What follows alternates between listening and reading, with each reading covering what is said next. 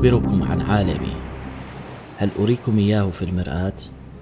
إنه وحش طاقة ليست له بداية ولا نهاية. طاقة لا تكبر ولا تصغر لا تتوسع ولكنها في تغير مستمر. بحر من القوى المتلاطمة ببعضها دائمة التغير دائمة التموج. وحش لا يعرف الشبع أو الضجر. هذا هو عالم إرادة القوة ولا شيء غيرها. وأنتم أيضا إرادة القوة ولا شيء غيرها. إرادة القوة لنيتشه هي كل شيء ولا شيء في نفس الوقت. تحمل في معانيها ثنائية الموضوعية والشخصية ثنائية الحقيقة والوهم.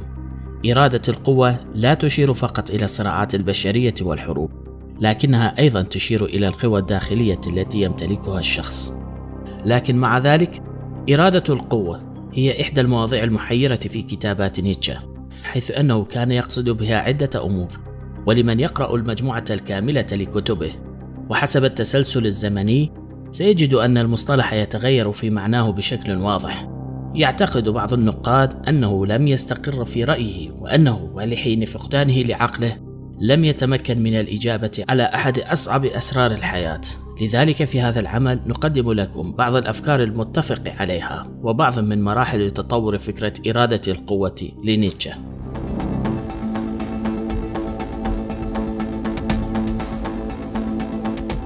إرادة القوة شيء غامض لأن نيتشه كان يتكلم عن تلك الأمور الصغيرة في داخلنا والتي لا يمكن شرح معظمها. فمن السهل التكلم عن الطبقية ونظام المجتمع أو موازين القوى والاقتصاد. لكن من الصعب جدا الحديث عن خلجات صدورنا سواء كانت ضمن نطاق الوعي أو خارجها. هناك من الأمور التي تحدث فينا لا توجد كلمات لوصفها. قد يزعم أحدهم أن كل ما نعمله في الحياة هو في المحصلة تحصيل السعادة أو الشعور بالرضا. هذا صحيح جزئيا لكن من هذا المنطلق عندنا مشاعر سلبية كالكراهية والحقد والحسد. هذه المشاعر السلبية التي نميل أحيانا إلى أن نغذيها بدل محاربتها لا تفسر ضمن محاولة إرضاء الذات. في هذه الحالة من وجهة نظر شوبنهاور هذه هي أشكال من إرادة الحياة التي تسمح لنا بالاستمرار. نيتشه قال أن ما نعمله ليس دائما في سبيل السعادة وليس دائما في سبيل إرادة الحياة. لكنه دائما في سبيل إرادة القوة. القوة لدى نيتشه هي علاقات التضاد وليست شيئا بحد ذاته. هي مثل شبكة من التأثيرات الدائمة الحدوث والحركة. لذلك من الصعب طرح السؤال ما المسبب لها؟ لأن كلها وفي نفس الوقت ولا واحد منها هي مسبب. إحدى تفسيرات إرادة القوة هي أن تكون ما أنت عليه أن تكون قويا وتعيش وفقا لمبادئك. لا أن تكون مستعبدا سواء من الناس أو من المال. لكن هناك آراء أخرى تفسر إرادة القوة على أنها الأسس التي وضعها نيتشه لتفسير الوجود ككل.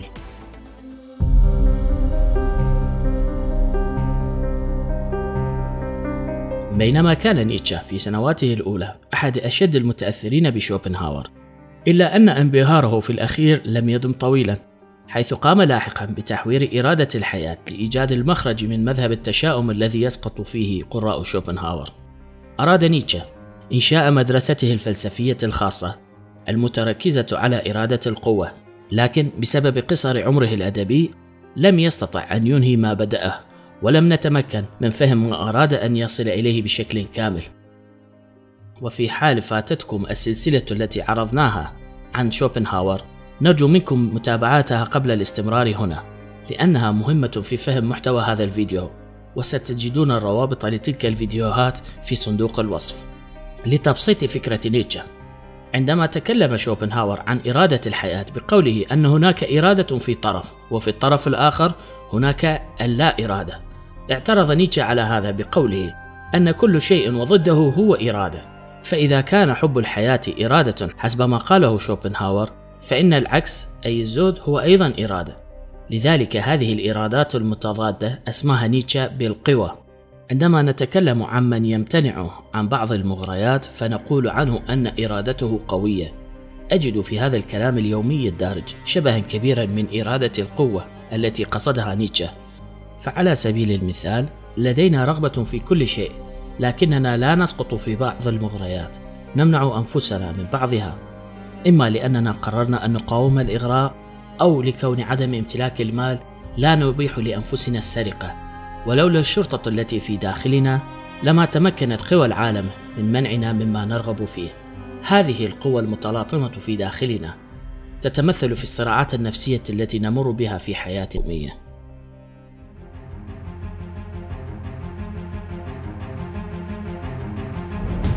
من الضروري أن نذكر أن تشارلز داروين صاحب نظرية التطور قد نسخ فكرة إرادة الحياة لشوبنهاور وجرد منها الميتافيزيقا ليطبقها بشكل مادي بحت في كتابه حول أصل الأنواع. معاناتنا في هذه الحياة حسب شوبنهاور هي بسبب التعددية في التمثيل، بينما المعاناة الداروينية هي بسبب شحة الموارد والانتخاب الطبيعي. عندما بدأ نيتشه مشواره الفلسفي، كان قد رفض المبدأ الميتافيزيقي واقتصر على الجانب المادي، لكنه اعترف لاحقا أن هذا لا يكفي، كان لابد له الإقرار بثنائية الوجود بين المادة والقوة، لكن إرادة القوة التي عمل عليها طويلا وطورها لم تكن النومن البحتة مثل ما تكلم عنها الفلاسفة السابقون. درس نيتشه الطرفين، ووجد مواطن قوة وضعف لكليهما. حاول الإجابة على السؤال الذي حيره كثيرا: هل الإرادة ميتافيزيقية أم مادية؟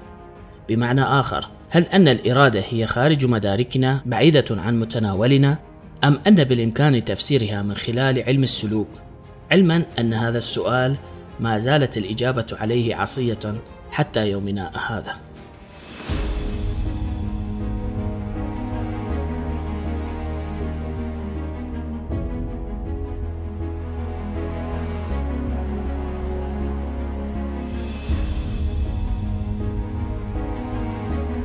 والآن نقدم لكم عدة أطوار من إرادة القوة لنيتشه من بعض كتبه. العلم المرح في كتابه العلم المرح نجد أول شرح ممنهج حول إرادة القوة، لكنه لم يلفظ كلمة إرادة بعد، بل ذكر مصطلح الإحساس بالقوة. كان شرح موجزا لكنه أشار إلى أن القسوة والتعاطف ما هي إلا مشاعر إنسانية، وكلاهما انعكاس للقوة. نحن نسلط القوة على الآخرين بالإحسان أو القسوة. كل ما نهتم به هو استخدام القوة بشكل أو بآخر. في هذا السياق يذكر نيتشه القوة على أنها متعلقة بالإنسان، فهنا لا يمكن لباقي الكائنات الحية أو الجماد أن تسلط القوة، لأن الكائنات الحية مجبرة على اتباع غرائزها، والجماد يخضع للقوانين الفيزيائية. هنا وبشكل ما ينسب نيتشه القوة إلى حرية الإرادة، وهي مجال إنساني بشكل أساسي ومتعلقة بعلم النفس. هكذا تكلم زرادشت: حيثما وجدت الحياة وجدت إرادة القوة، وحيثما وجدت عبدا وجدت إرادة أن يكون سيدا. هنا نجد أول ذكر لمصطلح إرادة القوة، ونجد أيضا أنه قصد معنى أوسع وأشمل، الأمر لم يعد يقتصر على الحياة الذكية، بل أي نوع من الحياة مهما كانت بسيطة. تسعى وراء إرادة القوة. في القصة يجوب زرادشت البلدان العديدة ويلاحظ أن كل مجتمع بشري له معاييره الأخلاقية والدينية المختلفة ولكل من هذه المجتمعات تعرفها الخاص بالخير والشر لكن مع ذلك كلها مزدهرة. فإذا كان الخير موضوعيا فمن المفترض أن تسقط كلها إلا واحدة. يقول ديتشا على لسان زرادشت أن ما يبقي الإنسان هو إرادة القوة. قيم الخير والشر ما هي إلا تعابير الإنسان لإرادة القوة. القيم هي ما يسلطها الإنسان على الأشياء لكي يحافظ من خلالها على نفسه. لذلك الإنسان هو كائن مقيم. ولأنها مجرد انعكاس وليست الحقيقة نفسها فإن إرادة القوة من الممكن أن تكون موجودة في باقي الكائنات الحية ولكن بصيغة أخرى. في هذا الكتاب سنجد أن نيتشه اتخذ موقفا معتدلا. لأنه لم ينكر الميتافيزيقا مثل المرة السابقة. ما وراء الخير والشر. يتوسع نيتشه كثيرا هنا في قضية إرادة القوة ويركز فيها على الحياة بشكل عام. فيه يقوم بتجربة فكرية. ماذا لو أن إرادة القوة ميتافيزيقية؟ فإذا كانت كذلك فهي إذا مستقلة عن الإنسان وتؤثر فيه بقدر تأثيرها على باقي الكائنات الحية والجماد. من مجرد احتمال في عمله السابق، الآن يأخذ الموضوع على محمل الجد. لذلك ماذا لو أن ما يحصل في النجوم والكون الشاسع هو بالضبط ما يحصل فينا؟ فإذا عرفنا ماهية الإنسان قد ننجح في تفسير ما قد يحصل هناك في تلك المجرات البعيدة على اعتبار أن إرادة القوة تدير كل شيء. إرادة القوة قد تشير في مواطن أخرى من الكتاب على أنها إرادة البقاء، والحياة هي الاستيلاء وإيذاء والقضاء على ذلك الذي هو غريب. فيما وراء الخير والشر يتهم نيتشه الفلاسفة السابقين بالافتقار إلى الحس النقدي والقبول الأعمى لبعض الأفكار في تعريفهم للأخلاق.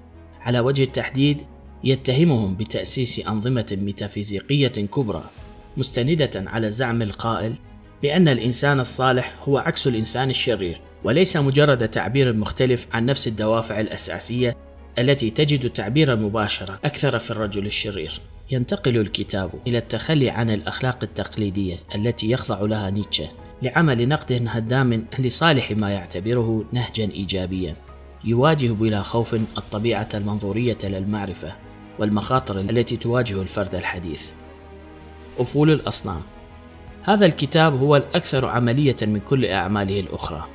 هنا يتجرأ على التكلم عن النومينال الكانطية أو الشيء بنفسه ليدعي أنها إرادة القوة ولا شيء آخر أي أنها الحقيقة المطلقة. فبدل النظر من أعلى إلى أسفل ينظر إلى الإنسان على أنه شيء حقيقي جدا. لذلك ليس بالضرورة أن تأتي القيم والفضيلة من أي مكان. الإنسان يستطيع خلق قيمه الخاصة. نلاحظ هنا أن فكرة الأوبرميش أو الرجل الخارق قد تشكلت جيدا لكن بما أن عمل نيتشه ليس للقطيع ولكن فقط للصفوة فإن هذه الفكرة الخطيرة لن يتقبلها أغلب قرائه. ما هو الخير؟ أي شيء يمثل الشعور بالقوة؟ إرادة القوة. ما هو الشر؟ أي شيء ينبع من الضعف؟ ما هي السعادة؟ هي الشعور بازدياد القوة. الحياة بالنسبة لي تبدو أنها غريزة للنمو للنجاة لتراكم القوة. وحيثما انهارت إرادة القوة حلت الكارثة. ويتكلم نيتشه أيضا عما سيحل بالإنسان إذا فقد تلك الشعلة في داخله. إذا خسر قيمه وأفلست أفكاره سيحل ما أسماه الانحطاط وهو الانهيار الذي حذر منه كثيرا. لم نذكر كتابه إرادة القوة لأنه ببساطة صدر بعد وفاته وهي مجموعة كتابات ورسائل. جمعت من قبل أخته إليزابيث. والشكوك تحوم حوله في وجود الكثير من التلاعب. لذلك مصداقية هذا العمل مشكوك فيها ولا تعبر عما أراده نيتشه. لتلخيص تطور مفهوم إرادة القوة. في العلم المرح إرادة القوة متعلقة فقط بالإنسان وتصرفاته. في هكذا تكلم زرادشت احتمالية أن تكون إرادة القوة موجودة في الإنسان وباقي الكائنات الحية. فيما وراء الخير والشر يبحث نيتشه فرضية أن إرادة القوة هي النظرية التي تسير الكون. في أفول الأصنام يتهم نيتشه جميع الفلاسفة السابقين على أنهم أخطأوا في أولوياتهم واعتبروا الإنسان آخر شيء بينما يتوجب عليهم جعله أول شيء. لذلك هو منحى عملي لكل ما سبق. لكن بشكل عام إرادة القوة هي شيء من الصعب توضيحه. قد نقع في خطأ أن نفكر فيها من وجهة نظرنا الحديثة لنفسرها بمعناها الحرفي الطاقة أو حتى أن تتمثل بخصائص الشر. لكن حسب ما فهمته فإن إرادة القوة حسب نيتشه هي أي شيء وضده.